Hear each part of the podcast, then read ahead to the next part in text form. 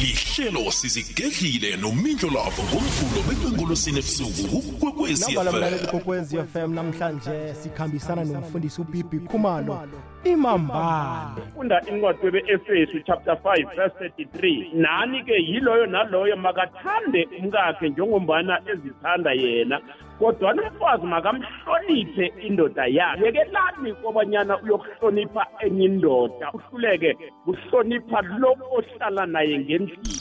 Lihlelo sizigedlile nomindlo lavo ngomvulo bekwengolosini ebusuku kukwekwezi FM nambala leyigogwezi fm kukhanya ba 22 11 sithokozileke eh, kuthulani bongwe. Khumbula-ke bona leli hlelo elingena qobe eh ngulosithathu wokuthoma kwenyanga. Ya ungubani? Eh, lingena ngo-half past 8 entambama ehlelweni ehlala nami libe kuleli hlelo nje ngenxa yebholo erahwako eh likhambe kuhle khulu kwamambala. Siyathemba ke bona eh nilithabele nizalithola-ke njenge-podcast kusasa ngokwekhabo lakhona ulidownloade ulalele bona ungubani ubaba? Hmm? uzuye-ke khumbula-ke bona ngikuthembisile-ke bona ngalesi sikhathi isikhathi sethu la eh, sakha umtshado mina nawe nomfundisi ubibi khumalo namhlanje siphethe indaba ekhulukazi la. Akhe ngithi nakho mhlambe nisemtshadweni nibabili la eh, nimakrestu kumnandi kunjaya. Kuvele la umuntu munye wenu agula gula khamba bodorhotera khambe akhamba abafundisa khamba abaprofiti kodwana-ke umkhanyo ungaveli. Kufike la afuna ukuya khona ngesintwini afuna ukulapheka. Umlingani athi hayi-ke la kwami la la kwami la simakrestu asizenzi zesintu. Kuphambane imibono kuphambane inkolelo lapho kuyokujama ini kuyokujama ithando namkha kuyokujama inkolelo umbuzo njalo khona umfundisi wami ubibi khumalo nguye-ke ozosiphendulela namhlanje. Nawe-ke mlaleli kokwez f m siyathokoza nje ukukuthola ubeke indlebe ngalesi sikhathi. Mfundisi lotshani sikwamukele kukokwez f m. baba umthombeni angithathele thuba ngikulotshise ngilotshise nomlaleli wekwekwezi FM mlaleli ulotshiswa ngumfundisi uBibi Khumalo weMetlibheke emhluzi ngithokoza kakhulu kwamambala kobanyana namhlanje si akhe siyokuhlephulelana nakumgadango. Akhe siyokhuluma amaqiniso mlaleli akhe singaviki ngothupha huru ngombanyana yonke into eyadalwa ngusomnini akazange ayidale ngephutha. Bekazi ukuthi ziyofika inkhathi ezibhisi bese sidlula kizo lezi zinto lezi. Indaba-ke engifuna ukujama kiyo-ke nginasi ecakathekile ngabe lelo thando lelo mina nobabili ngelamambala na? Ngombanyana eh, baba umthombeni nomlaleli wekwekwezi FM kunamazwi lesifunda incwadi ka-amosi indima ngesithathu. Siyofunda ngamabomu indinyana ngesithathu. Ngifuna ukuzuvula napya umdana othi abantu ababili bangakhamba bobabili bangakavumelananga na awa babumthombeni ngekhe ngekhe ngathi mina ngingakavumelananga nawe nawe sikhulumele ukuthi ngizoba nawe la emoyeni ngisuke ngingabi khona emoyeni. E-e ngoba ngisemoyeni njenganje siyolungisa le mtshato elimele siyolungisa le mtshato enamasasamba siyolungisa le mtshato umuntu azibona ngathi yena sowuthethe elinye igadango. Akhohlwe ngalo anaye. Kungenzeka lo umbethela phasi nje. Bese lo muntu lona uyaligadunga iphasi langaneno. Nakaligadunga iphasi langaneno kusala kuwe kuthiwa ngathana besiyenanga ohelebha ukumuntu lalela mlaleli. Wonke umuntu owabelethwa kule phasi leli. Nofunda incwadi yezaka indima ngesithathu ya. Ufunde ngamabomu indinyana yisumi nesithandathu. Kunomntana othi esandleni sokudla kukhona ingcebo. Esandleni sobunxele kukhona udumo lakhe. Lalela lesikhathi umuntu nakabelethwa emhlabeni. Wonke umuntu uzima umphile umsebenzi azowunikela okumele awenze. Ngaphandle kwalaba ebenza ubulelesi bamotshe ibizo lenkosi lingabi ngenye indlela. Nidlo lapho yeyi ya mfundisi wami uphethe indaba ekulukazi la. Zindaba eziraranisa abantu zindaba ezenza eh bona omunye wabajadikazi agcina apha kumthwadla nakhe abuyele ekhaya. Ngoba eh, esikhathini sanje mfundisi sesiphila eh nge ngokulawulwa yisondo siphilwa ukuthi ibandla lezokuthini umfundisi wami uthini? Uthola ukuthi ubaba udosela ngapha noma udosela ngapha uma uphethe ibhayibheli la uthi angifuni ukuzwa ubaba uthi sizamile ebhayibhelini kwenzeka konke kodwana-ke akusakhonakali kufanele Yeah. ngiyokufunela inye isizo ebona indaba ngokwesintu ubaba Yeah. uya- uyavela la uthi nandi ilunga lomndeni libhubhele endleleni thina ngesintu sethu siyakuhamba siyolithatha khona Yeah. lingazokuthwenya abantu endleleni uma athi hayi la kwami abantwana bagcina sebararekile bona sithatha yiphi indlela nakula asikhuluma amaqiniso mfundisi? Mindlolavu usa- u- usaphathe indaba leyo. Kunento yodwa engiyithandayo eh, eh, mindlolavu baba umthombeni ngaphandle kweqiniso asiyindawo. Zithi ibhayibheli nesifunda incwadi yezaga indima yamasumi amabili aleke ngantathu. Siyofunda ngamabomu indinyana yamasumi amabili aleke ngantathu. Izaga chapter 23 verse 23 ithi thenga iqiniso singathengisi ngalo. Njengobana uthi uthi nangiya uhlongakalele endleleni ugubhele endleleni. Umunye ubaba athi siyomthatha umabethe phasi. Athi hayi kwami lalela-ke. Akhe sikhulume nasindaba naye. Akhe siyofunda incwadi yezaga chapter 22 verse 28 into kade yenziwa bogogo nabomkhulu bakhu- ba- ba- baluphala kwaze kwafika ibo 100 and something. Ibhayibheli ithi isikhonkhwana esidala esasukela boyihlo ningasuki kiso. Bebenza yokinto angitsho ukuthi-ke ma njengombana wena sowujugulukile ungene kwenye inkolo kumele ube ngaphezulu kwababa. E-e ubaba ihloko wena uyinramo. Ngikho-ke kumele nina nobabili njengoba ngithwile encwadini ka-amosi 3 verse 3 ukuthi abantu ababili bangakuhamba bobabili bangakavumelananga na imitshato eminingi namuhla ize ibe namasasamba kangaka. Imitshato eminingi namuhla ize ingabi nokuthula. Ngonobangela okobanyana thina ngokwethu asazi wayi ngithi asazi na? Baba umthombeni nomlaleli wekwekwezi FM nesiya ebhayibheleni sofunda incwadi kwebe- kwebasegalatiya yes indima ngesithandathu sifunde ngamabomi indinyana yesibili. Ngithanda umgana othi thwalisanani imithwalo yenu nithobelane umthetho lo enathi neningena ngaphakathi kwalo mtshato nakhambelana nga- na- na- nabambana ngawo. Yikho namuhla uma ubona abantu ababili babambene yonke into akunamraro. Lalela umfundisi ngi- ngifuna abantu balazi iqiniso. Umfundisi naye muntu wala ephasini lokho fanele ngikutsho ngingakufihli. Asiye ebhayibheleni mrekosi. Uma sifunda incwadi in- i- uMateyu chapter 7 verse 21 kunomntana othi abasingibo bonke ebazokuthi inkosi inkosi bayobona umbuso wezulu. Akusingibo bonke ebathunyiwe. Akhona amadoda athunyiwe akhona azithumile. Yizinto ezenzeka kule phasi leli. Lesikhathi newenza yonke into ngijame ngaphambili kupul- kupulpit ngithi mani ningenzi 1 2 3 kodwa ngelinye lamalanga wena utholakala ukwenza lento leyo. Leso sono leso siyakubuzwa kuwe. And then akekho noyedwa onelungelo lokobanyana ahlulele omunye umuntu. Njani mfundisi ubibi khumalo na? Lalela. Nowufunda ibhayibheli kumateyu indima ngekhomba. Ufunde indinyana ezimbili indinyana yokuthoma neyesibili. Ibhayibheli ithi ngendlela ohlulela ngayo baba ngendlela ohlulela ngayo ma nawe uyakwahlulelwa ngayo. Yikho-ke kumele ukuthi neningaphakathi emtshadweni bese niyathwalisana imithwalo. Ah ntombeni. Ngiyakuzwa mfundisi. Mfundisi sikhumbule phela nasithi samukele eh uJesu njengenkosi nomsindisi. Sazinikela saba makristu. Kunemthethwana ethize siyilandelako la ngoba kukhulunyiswa ukuthi a- a- a- abakwazi ukuba babili abozimo uzimo ekhaya munye. Sele uheruka wena ufuna ukufaka omunye uzimo utsho ukuthini? Awuphuli isithembiso esasenzako phambi komfundisi nebhayibheli na? Mindlu lapho ngiyakuthokoza ukubuza umbuzo loyo. Ngombanyana abantu abaningi balahlekile.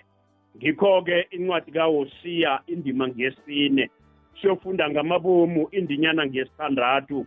Kunomdana othi abantu bami bayabhubha ngokushayela ulwazi. Lalela ujesu uthi angizanga kobanyana ungizwe imindlu lapho angizanga kobanyana ngizogiriza umthetho lo kodwa ngizogcwalisa. Indaba ndaba ekumele siyazi nofunda incwadi kajeremiya jeremiya wokuthoma ufunde ngamabomu indinyana yesihlanu. Ibhayibheli ithi ungakabelethwanga uzimbe kakwazi. Woke umuntu nakala ephasini uzima uyakwazi.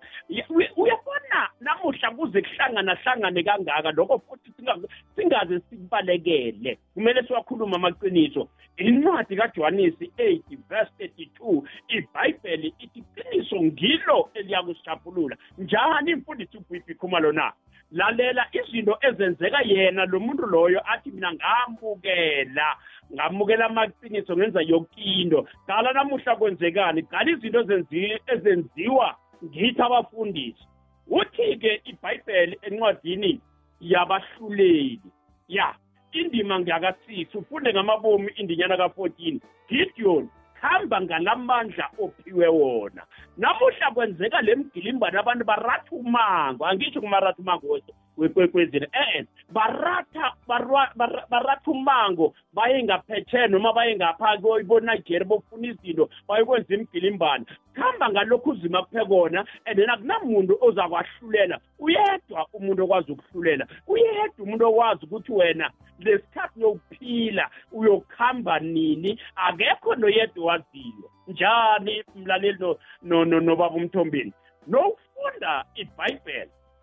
Ah maruzim ngiyamthanda. Nokufunda ibhayibheli in- i- i- i- i- incwadi yamahubo 90 verse 12 nakho umntana othi ngifundise kobanyana ngikwazi ukubala amalanga ami wokuphila akekho noyedwa owazi ukubala amalanga okuphila. Into eqakathekile efuneka kule phasi kobanyana impilo okumele uyiphile. Hayi ukuthi uyokwenza izinto wenza izinto lesikhathi nezenzeka kuwe lesikhathi nekumele kuyokuthathwa umufi utshela abanye abantu ukuthi bangamthathi neyivela la ngakuwe wena-ke sowenza yonke into leyo. Uletha siphi isithombe na? Ungumdosi phambili onjani? Uziletha njani yonke into na? Yikho-ke ibhayibheli ithi ngelanga lamaswaphelo lowufunda incwadi kanomeri chapter 32 verse 23 ithi isono somuntu siyakumfumana. I-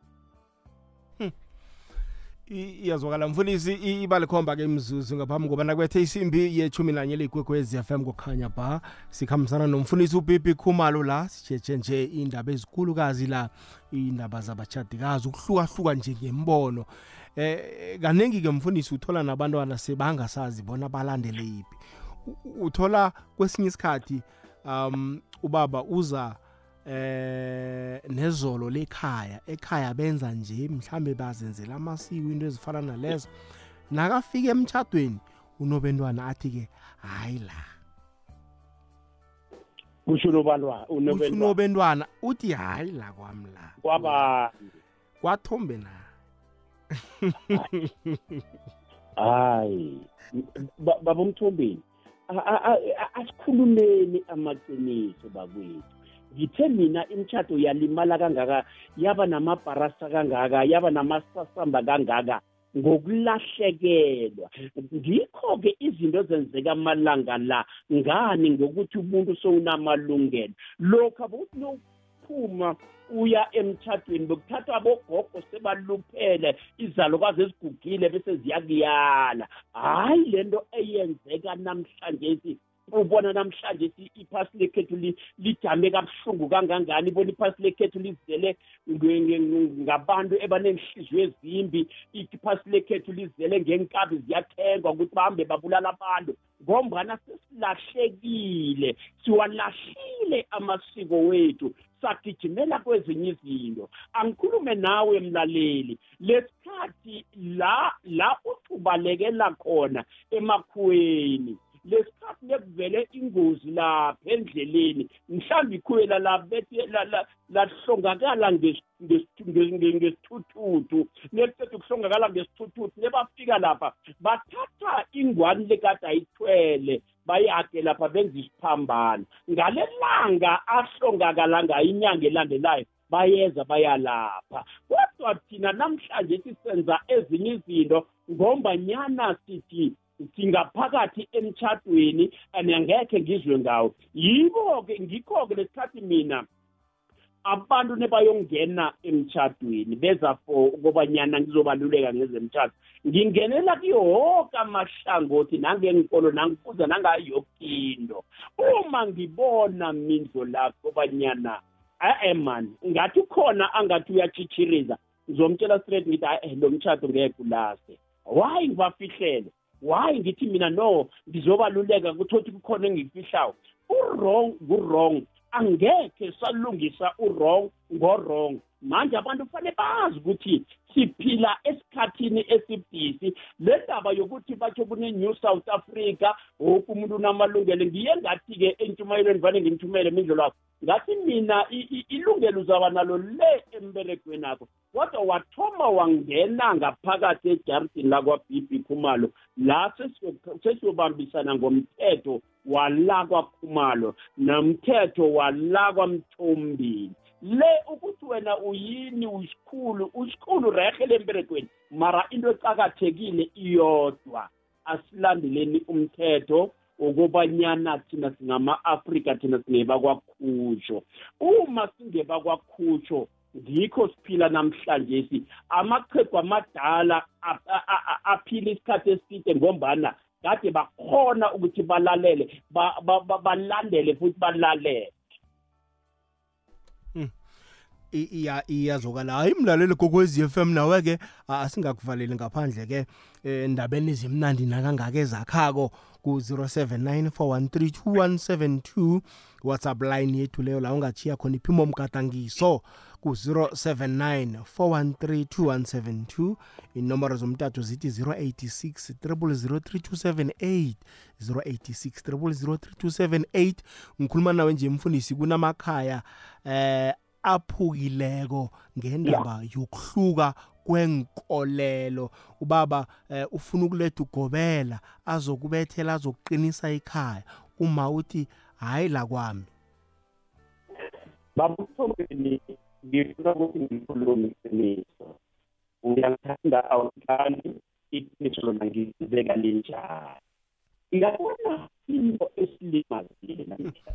Ya mfundisi ngathi ifuna ukusiphazamisa ifoni yakho ungachida kancane la ukhona?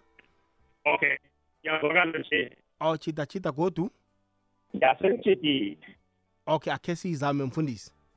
Ngiyangithi mina into ekumele siyazi la kahle mfundisi ngiyihlwebhe godu ngiyayibona ngathi ifuna ukuziphazamisa ngiba ukuyibuyelela godu. Into hleli ngakhona le okay udlula ngayiphi isiminyaminya sendleleni sithinda ku-x at ikwekwezi underscore fm traffic jam play sivukile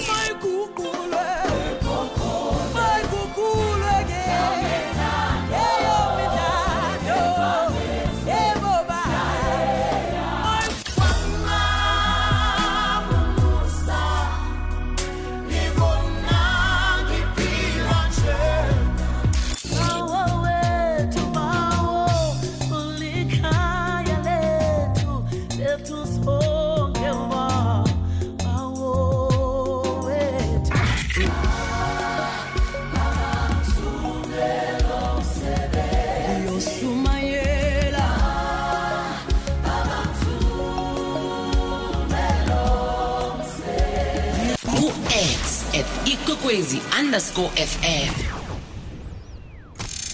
umgqibelo wokuthoma kasinyikhaba lilanga lokugidinga amalungelo wabentwana i-national children's day. Hlangana namanye lilungelo lefundo lokutshejwa nelokungahlukunyezwa.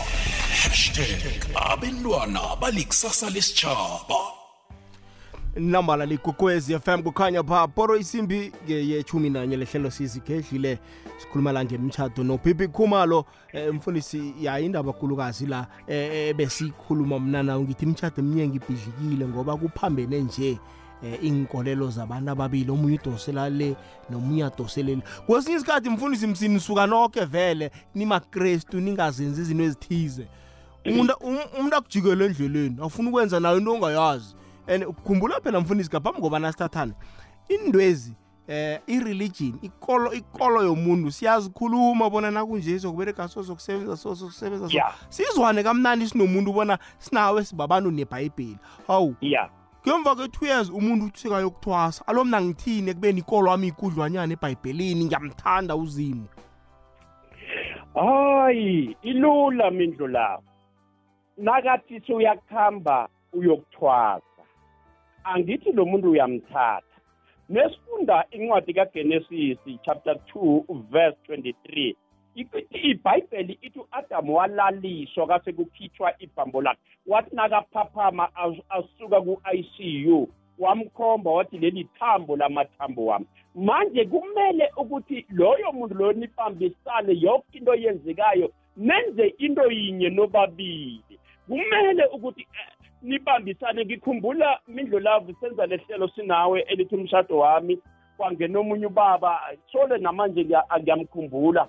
Ubaba wathi mina ngiya umkami u- uyangihlolela sonke lesikhathi lesi kade sikholwa namuhla sokufika bathe sowuledlozi yokuthwala yokuthwasa mina ngingendaba le. Ngamphendula ngathi-ke lalela baba nomthanda uma lo uzakwenza konke lo uzobambisana naye. Ngombana why ubambisane naye na? Heyi kunenye incwadi ngiyathokoza ngoba sekusebusuku incwadi yesihlabeleli sesihlabeleli chapter 3 verse 1 and 2 kunomntana othi ngamthola embhedeni othandwa mphefumulo wami. Nowamthola lo muntu embhedeni othandwa mphefumulo wami uzobambisana naye wenze yonke into. Asiyekeleni bakwethu kobanyana sizibetha bosikili pampiri thothi thina ngokwethu ilahlekile inkonzo yokulibalelana. Nowufunda incwadi kabefilipu chapter 3 verse 13 uthi ngikho- ngilinga kobanyana ngikhohle konke ngemuva ngihlabele phambili mara uthi wena wenza konke abomakhelwana ukhulumisani nabo neminye imndeni yekhena ukhulumisani ngapha ukandelela lo muntu nawuthi sowaphuluswa. Hhayi singadlali ngozimo ngiyakuzwa mfundisi wami kodwana-ke mna ngiyarareka ngoba uthole ekhaya mhlambe uma nguyosondako ubaba akafuni ukulibona isondo abaye esondweni. Kuba yini bona nibasoli kodwana umalo nizomsola ukuthi akasekeli ubaba? Kunento yodwa-ke eh baba umthombeni fanele ngiyitsho. Lokho ngeke ngakubalekela ngizokukhuluma iqiniso. Uyabona abanye abobaba bayafuna ukuya emasondweni kodwa thina uma sesilahlekelwe yintshumayelo. Sesijumela ngentakwa sijumela ngani? E-e yinto eningi elimaza bobaba. Right angize mbuzwe nakho-ke lesikhathi mhlambe ubaba nakathothena kayi kuya wena mma into eqakathekile iyi-one imfundiso ithi muthobele ubaba ngendlela ozamthobela ngayo. Noma akhona angaye esondweni nguwe ma ekumele umthandazele kobanyana asuke akulandele ngemsebenzi. Hayi ukuthi ubaba wena ma uzajahela ukuthi uyesondweni ngapha ubaba umshiya angakadlanga ngapha wenzanga nesi yinto oy- oy- oy- oy- oyithanda kakhulu thanda umfundisi akho okukhulu kunobaba lo. Lokho fanele sikubeke singakubalekeli. Namuhla imtshado izilimale kangaka ngombana kunabanye. Lokho fanele ngikutsho kunabanye abafundisi ebangakathunywanga ebazithumile ebenza yonke le mgilimbana oyibonakala uyibonakala kuyo yonke indawo la ivela khona kuthiwa nangumfundisi sowenze one two three ngani? Akathunywanga. Mm, mm, mm, mm. I- iyazwakala mfundisi wami 086 mfundisi ngibawa kungiphe ithuba la ngifake nomlaleli ekwekwezi f m naye abekele ukubodlana le ikwekwezi lotshani? Kanjani mindlo lapho? sikhona kunjani baba? Siyaphila khona nombhantero Titus wakakhonde ngebhetala. Mm. Niyaphila Bibi Khumalo. ah kunzima usesemuhle ba Ithini mambani? hayi mambana inamra akotshele lapho baba umthombeni ukuthi uJesu wathini wathi akezanga okuzobhiriza uzokwenzani uzogcwalisa wathi i- isikhonkwane sashiya bokhokho bethu singajidikisi yebo ibhi khumalo yazi ezinye izinto lana siyayimosha thina and futhi nabafundisi bibhi khumalo bayayimosha ngoba abafundisi bibhi khumalo bake bathi asinayi enyangeni. Ya bona bagijime baye enyangeni. Anithi eh njengoba usho mambane ukuthi kwesinye isikhathi siyahluleka vele ukuthi eh, emthandazweni kufuneke siphume siye lapho abokhokho bethu bathi isikhonkwane singashiyi. Ya uthi na ufika lapho hey ngabona isimanga ayithi sekukhishwa igubhu ibikhubalo ukuthi le gubhu ikhishelwa ukuthi eh funeke kwande ibandla. Ya ibikhumalo bashayana abafundisi kwabakuncane indawo. Zasaphaka igubhu zabo 50000 zasaphaka igubhu zabo 60000 bashayana ukuthi sitholane lapho. Awu.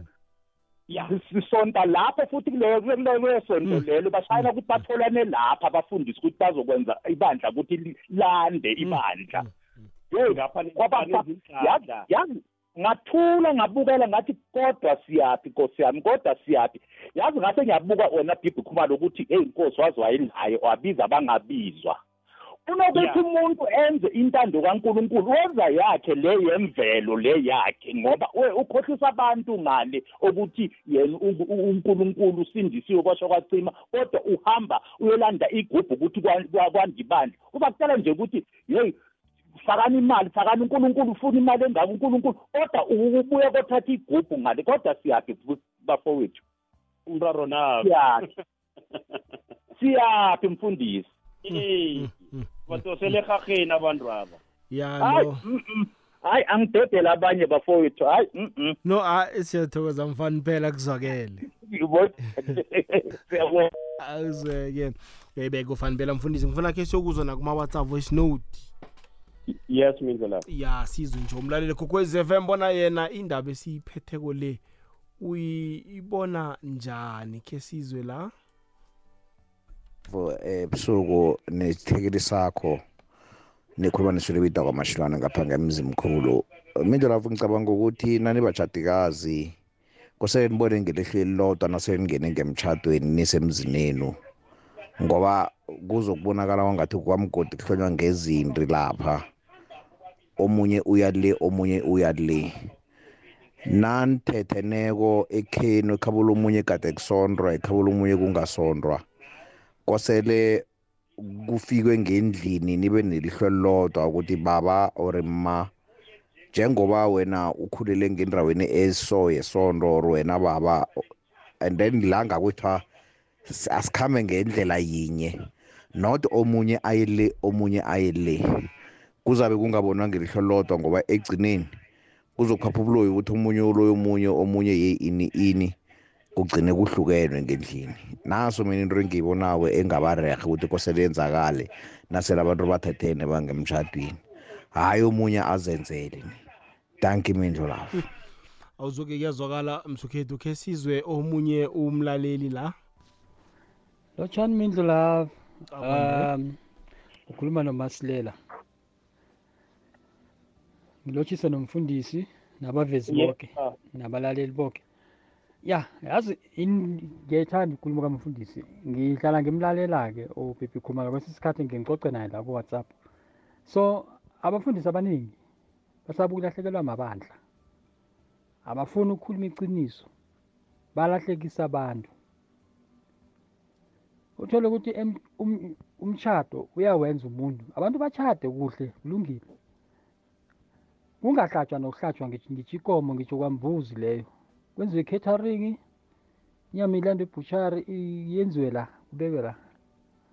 So kuthiwa bona vele nje ngesi- ngesondo abathi ngesiko labo bathi ngesondo lethu asikwenzi lokhu. Akwenziwa tshwala kwenziwa next so balahlekile abantu la ngaphandle. So umfundisi ngiyathokoza mina um mfundisi wami ukhumalo baba khumalo. Iye. Ngiyathokoza kakhulu ukuthi wena uyakwazi ukukhuluma iqiniso. Hayi, Aba- kuzofanele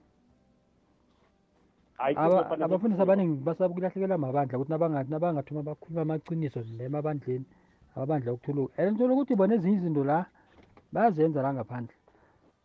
Lethi batshela Yeah. lethi ukuthi abantu bangazenzi nje kuphela. Yes thokoza U- u- ungaba nombono uthini mfundisi nge ngombono wabalaleli ababili? Baba umthombeni umbono enga engawutsho ngunaku. Ayikho indlela edlula kobanyana umuntu azenzele yena ngokwakhe. Eh, lokho ngeke si- si- si- size sikubalekele. Ukuthi wena bathi ufuna isitshaba sibe sikhulu ukhambe uyokuthwala ngithe mina kugidiyoni incwadi ngiyabahluleli chapter six verse fourteen kuthiwa gidiyoni kuhamba ngamandla ophiwe wona. Kunamandla afakelelwayo. Yonke lezi zinto zenzeka namalanga la. Uyabona ukuthi kwenzekani? Nangu kuqeda ukhuluma nje ubaba lophuma emuva lo wathi ba- beba- be- bebadendrulana babodwa babanga. Uyabona? And babanga into e-wrong baba. Ibhayibheli ithi nofunda first incwadi yokuthomba katimothewu chapter 6 verse 10 ukuthanda imali kuyisono. Ngikho namuhla sekunenkani ngikho namuhla babulalana kangaka emasondweni efuna iy'ntulo. Ngikho namuhla kwenzeka yonke lento leni ngoba umuntu ufuna isitulo. Yi- uzima nakaphila kakuphe lokho ungafuni ukungezelela. I- injalo mfundisi ku-0794132172 your subline yethu leyo. Sikhambe siyokuzwa nemtatweni siza umlaleli bona uthini like kwekwezi lotshani? Ikwekwezi? Lotshani? Kukwezi alright uza kubuya. Kwekwezi lotshani? Okay ku-086 003278 naku-079 ke siyokuzwa bona umlaleli kokwez FM uthini kuma-whatsapp? Um, Indlola akwande. No Babu Khumalo. Ngiyanibingelela nangugogo kaNtando noBhibo uLinet Nsimbi intombi yakaqaba lana emloto. Ayi ngisimamele isihloko senu. Ya isihloko ya. Ngimamele. Yazi mina ngakhula like ngikhulele ebazalwaneni ngendlela ebengisindiswe ngako. Nanoma ngishumayela or ngikhuleka bengikhuleka ubone amazulu avuleka ekwasho uStefano ngamgcoba ngamatshe wathi ngibona amazulu avulekile. Ngangihlala ngizwa bathi abazalwane bayakhukhuda ngiphikise enye impikiso enganasayizi so eh kwayenzeka or ngelinye ilanga like kuyabona yazi ku- kuna this thing yokuthi endaweni nawubona izinto zingayenzeki ungahlali hamba uzama lapho okunye. So mina ngomunye umuntu angikhukhuthi nama ngenza into ngiyenza wonke umuntu angibhekile waye kanti kwamele ngikhukhuthe. Ngoba mina ang- angikwazi ukusaba abantu abangangisabi. Nama ngenza into vele ngiyayenza yayibona angikhukhuthi so mina ebazalwaneni ngikhonzile kakhulu futhi benginaku worshiping team. So ke wabona ngabona ukuthi hayi bo angeke ngihlale endaweni lana kube ngathi ngikhaphe abanye kunale inkulumo yokuthi uphekelele abantu emberegweni or kuphi wherever. So hayi ah mina mm, manje ngikwenye inkonzo ngiyaphetha ngenza konke futhi angizifihli. Ngathi ngelinye ilanga angibizi igama lomuntu angibizi muntu ngilapho. Kwakunomunye umfundisi wakwelinye isonto labazalwane engake ngayovakashela kilo. Mina ngiye lapho vele ngiyophetha nangithi mehlo suka emuva ngambona angena. Ngasho ngathi ngangihlala ngizwa bathi abazalwane bayakhukhuda. Mara bona maba eh, sithandaza laphiyana basitshela ukuthi ungayi endaweni so ungenzi ukuthi ungenzi ukuthi. So yazi ngaba surprised kusho ukuthi ngaba surprised ukuthi madoda kanti nabazalwane bayeza ezindaweni eziso. Ngaba surprised kakhulu kakhulu. So mna just bengifuna ukundlulisa nje ukuthi mawenza into yenze futhi ungafihli and u- u- ugceke ukugceka i remember uh, there was this other day uh, sihleli lana ngaphandle sidishile vele besisela bekunemvuselelo somewhere. Lapha yena uphethe ibhiya ngesandla angekho ubona umbuso wezulu. Eyi madoda indaba yebhiya beyikhambe emoyeni. Ibhiya kuyibhiya. Maye ngiyaphuma ngiyesitolo kuhlangana nabanye abomama so abomama laba basho yabezwa abazalwane bese-ke thina-ke sabazona lezi singaye esondweni. Hayi mani khe balise indaba yabo leyo yokugceka ya ngugogo kantando nobhiwe ulinethi nzima intombi yakacabana nemloto okay mama. Siyathokoza mfundisi. Siza uh, siza commenta ku eh, embonweni akhe khe sizwe bonye umlaleli. La gogwezi lotshani? Yebo kunjani? Sikhona kunjani baba? Kulungile mm Mm, mindlolafu nawuthanda naw- nawukhonza unkulunkulu qobo lwakhe Mm. unkulunkulu akahla- akahlanganiselwa. Mm. unkulunkulu yena yedwa uzijamele. Mm yena yedwa akahlanganiselwa. Mm awukholelwa enyangeni awukholelwa ebezimini mm and ukuthi omunye umuntu ukuhambe wakhukhutha waya enyangeni ifuni wena leyo ngowakhe lokho. Wena Mm. uthathaza unkulunkulu wakho. Unkulunkulu ungunkulunkulu yena yedwa. Mm aka aka- akadingi isizo lomunye umuntu. Mm uzisiza yena self akahlanganisela unkulunkulu. Ngiyabona. Ukhonza unkulunkulu ukhonza unkulunkulu awuye enyangeni awuye ebazimini awenzi next. Funda ibhayibheli leviticus 19 verse 31 iyakutshela. Ukuthi ungayi kwaba na- namadlozi. And then umfazi if athi yena uya e- enyangeni Mm. kusu- uya- kusu- vele kusuphume uye hawu. Ngoba ngoba if umsapota ukuthi aye enyangeni Mm. it means ukuthi sowusapota eminye imimoya. Mm mm. Yabo? Manje- unkulunkulu yena yedwa uzijamele manje n- nakho umzwekhethu mhlambe kuyenzeka eh uyagula wena. Mm. uyagula uyathandaza uyathandaza kuvuleka amazulu kodwana soloko akwenzeki. Uyaya kubodohotera nakhona soloko akwenzeki kufike la kufanele uphume khona uyokufuna isizo langaphandle ngabe wonile na ya wonile ngamane ngamane ngife kunokuthi ngiyokufuna elinye isizo if ngamane ngife Mm. vele ngamane ngife unkulunkulu vele unkulunkulu akahlanganiselwa nangabe Mm. kuyabhala kunkulunkulu vele ngamane ngife Mm. nangabe ukhuza unkulunkulu qobo lwakhe Mm. ngokweqiniso Mm. ngokweqiniso na umfundisi Ibhayibheli ithi Yeah. Asibo bonke abathi inkosi inkosi abayobona umbuso wezulu. Ngiyabona. Ya.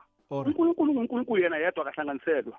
Ngiyavuma. Ungayaphi yethu unkulunkulu akahlanganiselwa uzijamele yena yedwa akahlanganiselwa bamba njalo ungabeki phasi baba. Umfundisi nangumlaleli kokhulume naye. Hayi nginempendulo yakhe mbeke phasi wena nginempendulo yakhe Okay. mna Ah, ningakhuluma nobabili baba ufuna ubeka phasi namkha ufuna ukukhuluma nomfundisi? Ah ngisena ekhami kuhle ngizo alright okay baba siyathokoza. Ncancabe kugcuna nangabe ngicundile mfundisi wami bathi La- akahlanganiselwa la- ngikhe ngayiphatha phambilini mfundisi. Lalela baba umthombeni nomlaleli. Iye. Uma into ingakafikanga kuwe uzakhuluma kamnandi. Asiye ebhayibhelini siyofunda incwadi kajobha indima ngiyaka-five sifunde ngamabomo indinyana ka-eight. Kunomntana othi ngathana mina kade nginguwe bengizakwenza strong ngize ngimfunde usomnini. Uzimu uthi mina angizanga kobanyana ngizokwahlulela umuntu. Lalela onke umuntu uyawenza umthetho. Ngihlale ngiba- ngibatshela phansi nengibathumela intshumayelo ngithi lesikhathi nowubona umuntu aphethe i- i- i- i- eh, i- i- inturuturu nemgcomo athinga ngale emlanjeni ungamhleki lo muntu loyo. Lesikhathi nowubona umuntu abhiza avulana namadastbini ungamhleki lo muntu loyo. Le nto lena emphethe akusimnandi kuye kodwana the day seyibambele seyibambe wena. Lesipompla sohlala kiso uzobaleka ngombana wawukhuluma njengalo baba ophuma njenganje.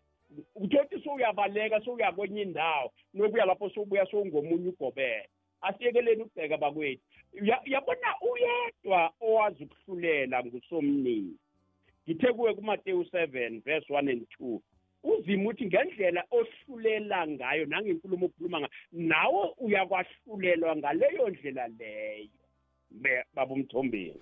Iyazwakala mfundisi wami. Khe sizwe umlaleli. Gogwezi lotshani alright I- igogwezi yes kunjani baba? Isikhona kunjani baba? Ngiyaphila. Yazi uBibi Khumalo ngiyamthanda lo baba. Emaqiniso yawakhuluma man. Hmm. yazi uma ungumuntu yekela ukujaja abanye abantu Hmm. yekela ukujaja abanye abantu yazi eh Lindlo Mm. khona omunye om- omunye usisi be- bengifunda naye Mm. yazi uma ukhumbula ngaboma 90s abantu bebakhonza bathi sex before marriage is a sin Mm. akhonza lo mntwana kambe bakhonze ekhaya kibe ukhulele enkolweni Mm. ngikutshela ngithi wagula lo mntwana wagula five years yonke angena esibhedlela aphuma Hmm. Abantu bamtshela bathi hey basekhayini bayakufuna hamba uthwasa Hmm. waphika wathi unkulunkulu uzanginceda Hmm. unkulunkulu uzanginceda kwafika ilanga lokugcina sekabona ukuthi yabona manje sengiyalimala Hmm. wadecide wathi awuthi niyoyenza le nto bathi niyenze Mm. immediately angena kulelo gate labo kumele ayophetha izinto zakhe khona waphola mindlo waba wuye Mm. waba wuye waphola Mm. kahle nje same time lo baba uceda ukuphuma manje ngicela ukuthi angakhohlisi abantu angeke avume ukufa uyaphosisa uyaphosisa angeke avume ukufa ash- ashiye abantwana bakhe uyaphosisa masiyekeleni ukukhohlisa abantu masenze yekelani umu- umuntu umuntu mayoziphilisa uyoziphilisa as long as azazi yena ukuthi ume kuphi nonkulunkulu wakhe Mm. unkulunkulu akusiwo ukuthi ajaje omunye umuntu cha unkulunkulu ufuna wena qobo lwakho. Uma uye lapho uyoziphilisa uma ubuya uzokhuluma naye uyena kuphela owaziyo ukuthi uzokuphendula athini ngoba uzabe ukhuluma naye mathupha. Singabantu masibeni nokuhlakanipha kokumuzwa uNkulunkulu uma akhuluma nathi. Ithi khumalo baba ngiyacela chubeka ngeneqiniso utshele abantu balazi iqiniso. Usori baba ukungene emlonyeni. Ubaba ophumileko azange ajaje umuntu uthe uzima akafuni umhlanganisele nabanye abozimo yebo sengisho mi- mina sengibeka general angisho ukuthi ushilo. Oh. Ngisho ukuthi Mm. angaphosisi akhohlise abantu. Oh. Athi yena nanoma anga- angamanafu oh oh. Uyaphosisa lapho I- ikholo lakhe likhulu mfo uyakholelwa kuyo uzimo somnini. Amen. Amen. Mm. hey. Masingakhohlisani. Mm. ukufa sokufikile uthi ngithathe. Ih. hayi. Hawa. Hawa. Right Ngiya- ngiyabonga. Okay siyathokoza baba Ngiyabonga. umbono wakho. Hayi. siyathokoza baba uzwekele igwekwezi lotshani yebo kunjani? Sikhole kunjani baba? Khona. Ngiloba la awufundisi ukhumalo uyayibeka le ndaba awu. Ya ngabe abafundisi kanjalo bonke ngabe bafana no- nomfundisi ukhumalo angabe iphasi leli ngabe lihle? Mm. Eh anyabonga amazwi wakhe. Alright baba siyathokoza.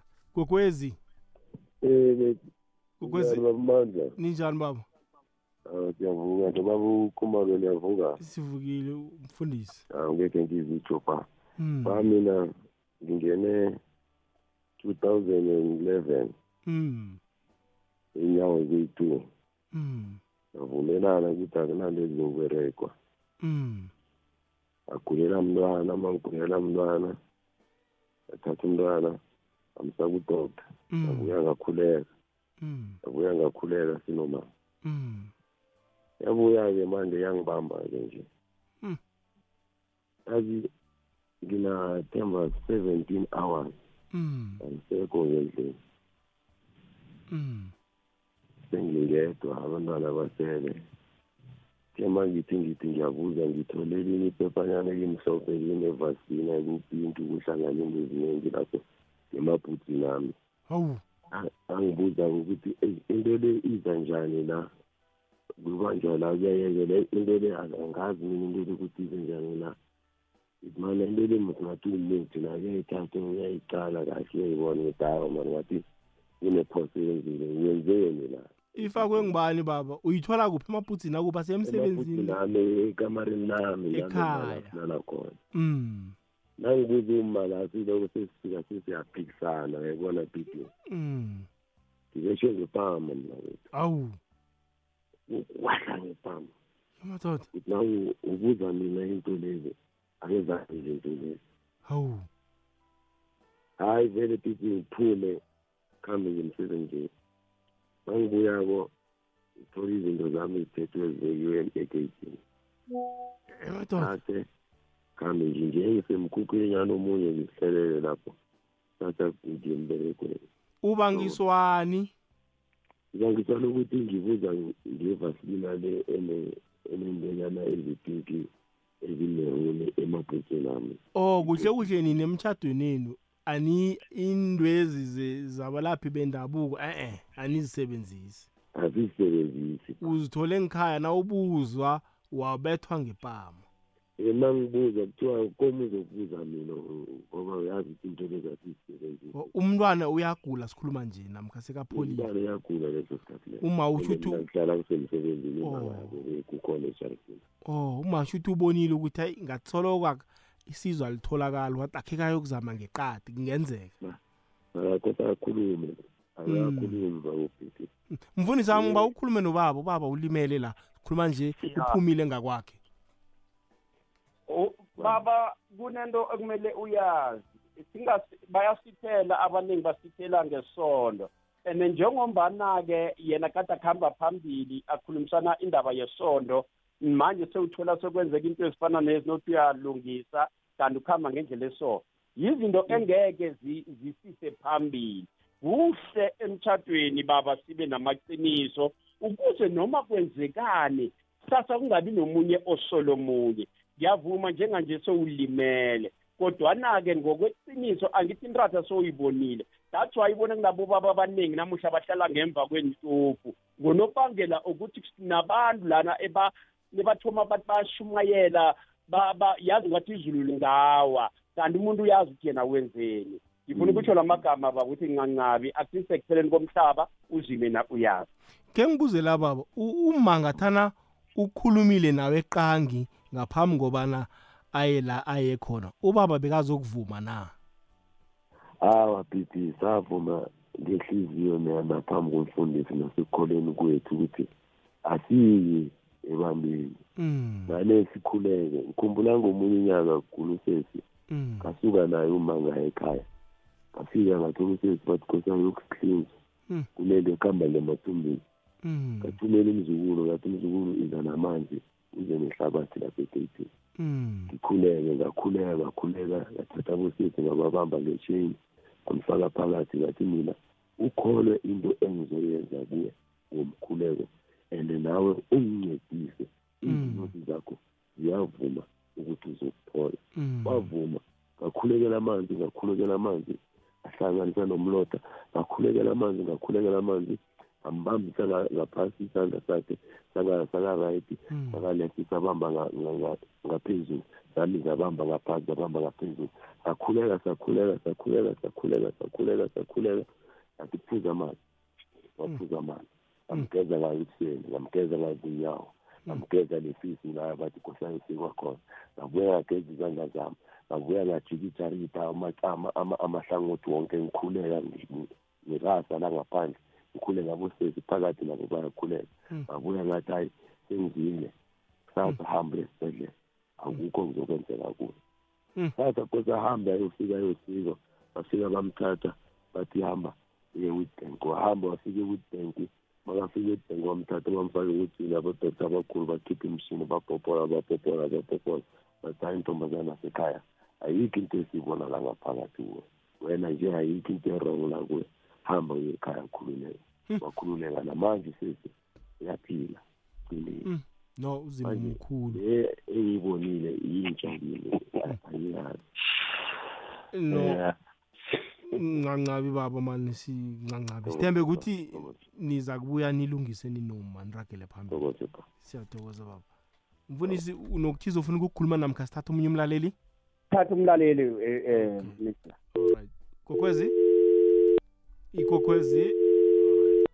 ikokwezi Tohoze, akwande baba njani? sivukile njani Ah, nomfundisi wami uDidi Khumalo. mm. Eh, untoze celebrate ngathi ngini. Mm. Eh, ngithi mina ubaba Khumalo ngithe man into engiyibongako ayi abantu abakhuluma kuhle bahlakaniphile nje ngoba indaba zokuvivela zisekho leso sikhathi kwakuba nemilindelo um kuhlangene kuyaphiliswa ubusuku bonke okungcono indlula omunye manje sekuba yimvuselelo ma isifo yaziwa ukuthi kungenwa ngo-seven or ngo-six kuphuma ngo-ten ebusuku. Ngoba abantu besisebunyankeni ubusuku bonke ngakuphethe buthongo. Okwesibili ekukholweni sengikuze umfundisi ubakhumali ukuthi kanti kwenziwa yini? Ibandla malikhona umfundisi kumdusi phambili makulala ihloko uthola umfundisi sowufuna ukuvula lakhe ibandla ubona amabandla amaningi kangaka. Akusingona ukutshinye indaba zokuthi kutholakala isitifiketi zofundisi lezi na kuthi wena bokani njengoba ufuna isitifiketi ngokhonza kuphi? Hlala lapho ukhona ngoba abafundisi abaningi walalo umdosi phambili hayi umuntu uya uyi-social service ufuna isitifiketi sobharobha ibandlanyana abantu abayichenanyana njalo njalo. Uzobona amabandla amaningi angaka ayi-hundred angazi mangaki futhi ngokuhlukahlukana angazi ukuthi lokho kungaphela njani. Hayi no iyazokala sontozo siyathokoza. Alright siyathokoza.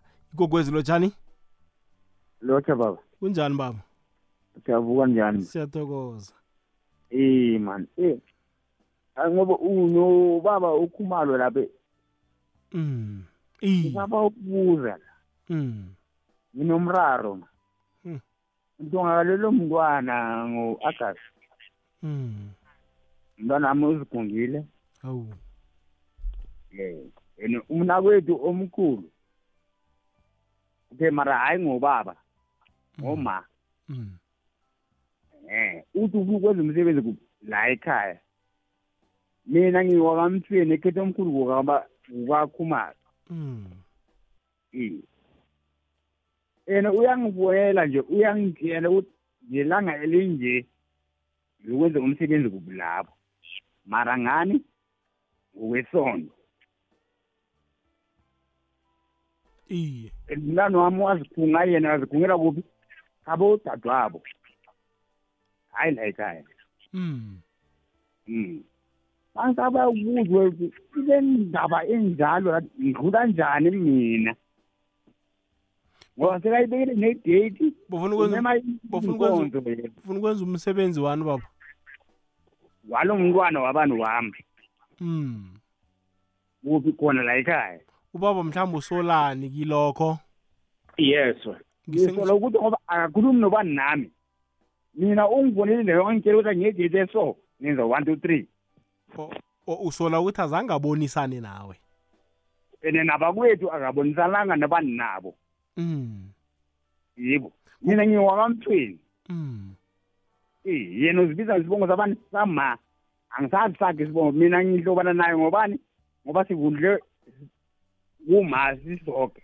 Hayi leyo siyibekele iqadi ungwakwenu umuntu wabelethwa naye ungwakwenu wena ubaba namkha uma ungwakwenu Yebo Mm. mara manje bekosa khulumisana nobani? Nami. o ubaba ulwela ukuthi azange kuhlalwe phasi kukhulunyiswane. Azange sikhulumisane. ekhaya nilandela Uvela- yiphi indlela baba? Nibuyisa ngesintu namkha ngekwesonto ngiphi indlela enilandelako? Ute yena wenza ngani ngesondo. nina ekhaya nenza ngani mhlambe? Hlaba ini imbuzi. And manje rathi ngole ndaba yokuthi ni ngithathi idikile kwamina. mm ngoba umntwana uzigungile azange rathi mhlawumbe ugulile okanye rathi uvulelwe ingozi. mm Wabo. mm Eh, angazi ukuthi kodwa ngene njani ukuthi naye naye ukuthi athi eze zikhulumisana nobani nami okanye nabakwethu asidibanise ukuthi athi kwenzeka yini? Ngicabanga Eh, ukuthi ngicabanga ukuthi le baba ngathi ifuna umndeni. Mfundisi wami le ngathi ifuna umndeni le. Ya ifuna umndeni. La ngizamphendula khona. Mm, mphendule mfundisi. Ya baba iqiniso liyafunakala. Yena uchaphe khulu. Bekumele ukuthi nakanjani kubiza umndeni kuhlangwane bese kubekwa nesicundu okwanje umuzi wendoda awu- awungenelelwa ngale ndlela leyo. And okwesibili kumele sihloniphane. Manje kuyena nakazokwenza yonke lento lena eh angiboni ukuthi wenze kuhle baba. Kukhamba kuyokuhlala phasi nibonisane yena uphambukile baba kukho konke akwenzile. Ngiyabonga baba okay baba khamani ukuhlala phasi nimndeni nilungisane. Awuzweke. Ke sizwe la mfundisi wami sizoyivala ngasikunini la ke sizwe? Lotsha mindlelavu akwande? Nomfundisi? Yes ma mindlelavu yabona uzimo wadala izulu nomhlaba so konke kwadalwa nguye. Ngakho-ke uzimo siyamdumisa and siyamkhonza ngenkathi zonke kodwana nase usuka uye enyangeni mindlo lapho kwesinye isikhathi usa inyama inyama iyadinga ukulashwa ngoba ngiyo egulawo kodwana kuzimu sisa umoya. And nanoma ungaye enyangeni nawubuya khona lezi nawuyako uzokuphuma uyatsho ukuthi izimu ngiyaphuma ngiyokufuna isizo endaweni so la ngiyakhona ngathi ungangikhanyisela ngikhambe kuhle. Then uye lapho nawubuyako nabakuphe something lezo zinto uyafika nazo. Uthandaze kuzimu ukuthi zimu ngithole one two three and then into ezingibawa ukuthi ungisize zingihelebhe so that's why sithi uzimu enza abodorhotera neenyangezo ngoba into like isihlahla senyanga esenjiwe mhlambe emahlathini abazithatha emahlathini zenziwe yini? Zadalwa nguzimu njengoba uzimu adala konke so mina akukho la ngicika khona uzimu nenyanga konke kuyakuhambisana mindlu lapha ngoba uzimu sisa umoya. Yingakho uzimu wathi empumputheni wathatha idaka watshatsha amehlo avuleka waberegisa something ayidalileko. So akukho mina la ngisola khona akukho la kumele sigceke khona. Mina ngibona ngathi zonke zikhamba zonke danko siyathokoza mama. Khe izwakele kule ndawo. Umunye umlaleli uthi hayi imidlo lava kwathina sizinyanga.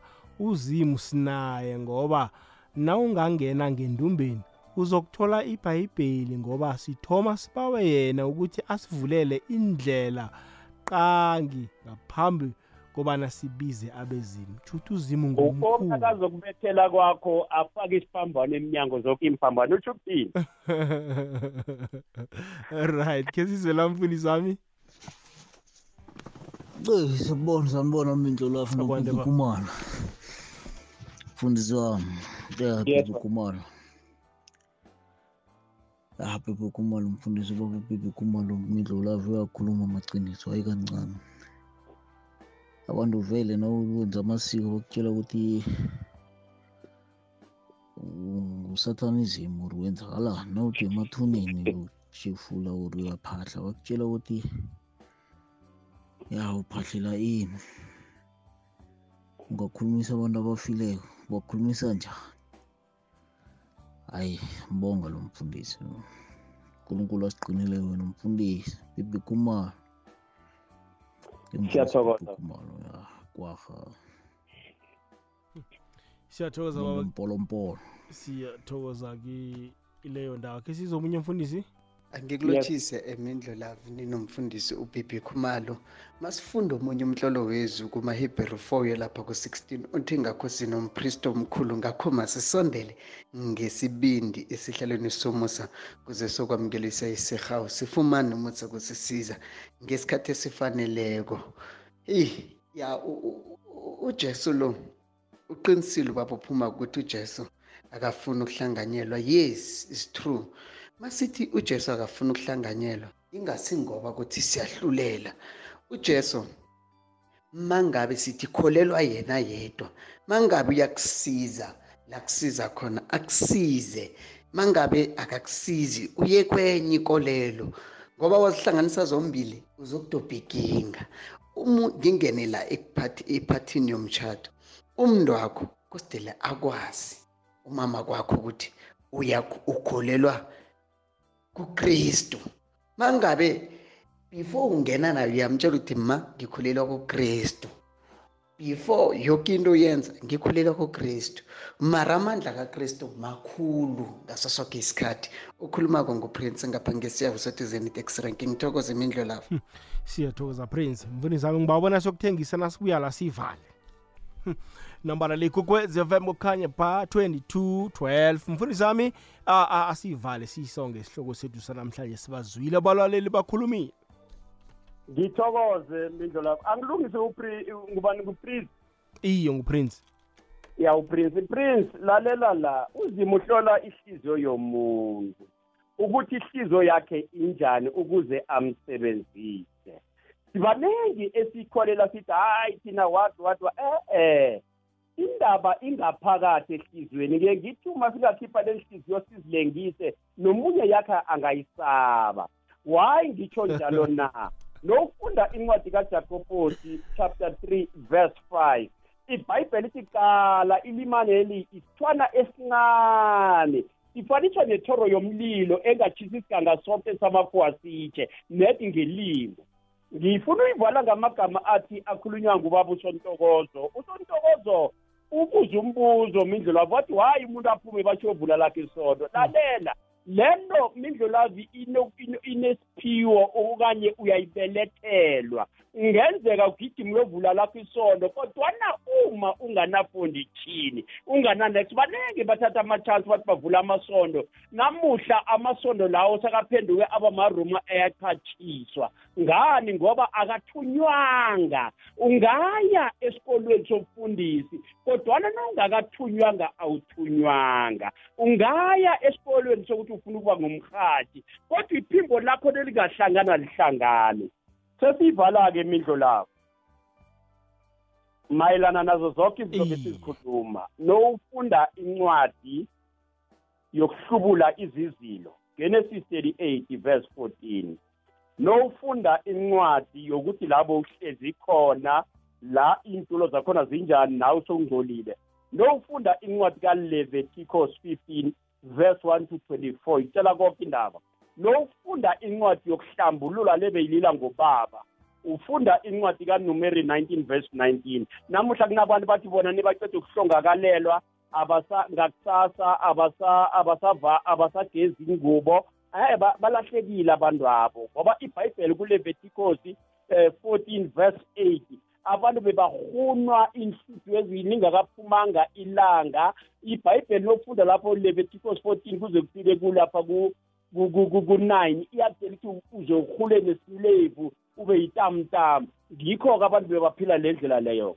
Nindlela sunday ekuseni lento ebayibalekayo abantu esiyabuswa a kwamahlangu ekhabosesi sabe sivula amatshe amatshe avulwa ngosondo ngiyarareka labantu bathi bavula amatshe ngabomgcibelo e-e ibhayibheli ithi ujesu wathi nakavuka nge-good friday ngosondo ekuseni abafundisi bathinga kuphi? Ethuneni likajesu. Five o'clock sabe silapha five o'clock uqala inkonzo seven o'clock sisemathuneni besibuya lapho siyachubeka mindlu lapho ngithokoza kakhulu kobanyana akhe sizohlathulula abantu uzima kubusise mindlu lapho akwenzele konke la uthinta khona uphenduke ihawuta ngiyazwakala mfundisi sami ngaphambi kobana sivale umsebenzi wokuvula kwamashe mfundisi sami avulelwane mhlambe? Usukelaphi hayi kunencwadi zakhona mindlu lapho lesikhathi ilitshe liyinsika musa. Le kuthiwa batsho uma ufunda incwadi kanehemiya chapter 2 verse 2 to 5 lesikhathi indoda izobawa ithi bawa ukuthi ibawa imvumo ukuthi yamele ngaphetsheya iyolungisa indonga zabokhokho zidirekile. Ngoba le ndoda yayityiwa isesingani bayeba ngeenkhathi zempi. Manje abantu basezweni bayitshela bathi wena ithuna lekababakho noma ithuna lekhenu lingale. Manje uyolungisa lokho-ke. And then uma uyovula amatshe wenzelela ukuthi nesizukulwane sazi kobanyana walala la umkhulu ugogo ubaba uma walala la ngiyo leyo. Angithi incwadi zamatshe abazazi. Manje ngikho bona bathi amatshe wathi wathi eh kumele bafunde ibhayibheli bambulele. Ungayifunda ibhayibheli mara nongakambulelwanga awuyindawo. Midlo lapho hayi mfundisi wami uyibekile. Uyibekile iyazwakala. Mfundisi inomboro utholakala kuphi? Hayi mambani iyatholakala kule nomboro ethi 072 25 90 753 sibuyelele ngamabomu 072 25 90753 Uye- leyo number leyo naku WhatsApp yatholakala mfundisi wami sithokoze khulu kwamambala ukuba nawe namhlanje. Umlaleli uphandlulukile iqiniso selifunayo baba umthombeni mm. mm. asikele ibhekana bakwethu asikele igijima wathi isondo iholo igcwale sigijime phasi phezulu Si- siyebona ijerini sokulezinto ezinye lana. Hayi kuyathokoza mindlo la sithokozile mtungwa. Ah! Kaseke umfundisi ubibi khumalo. Siyibeka lapha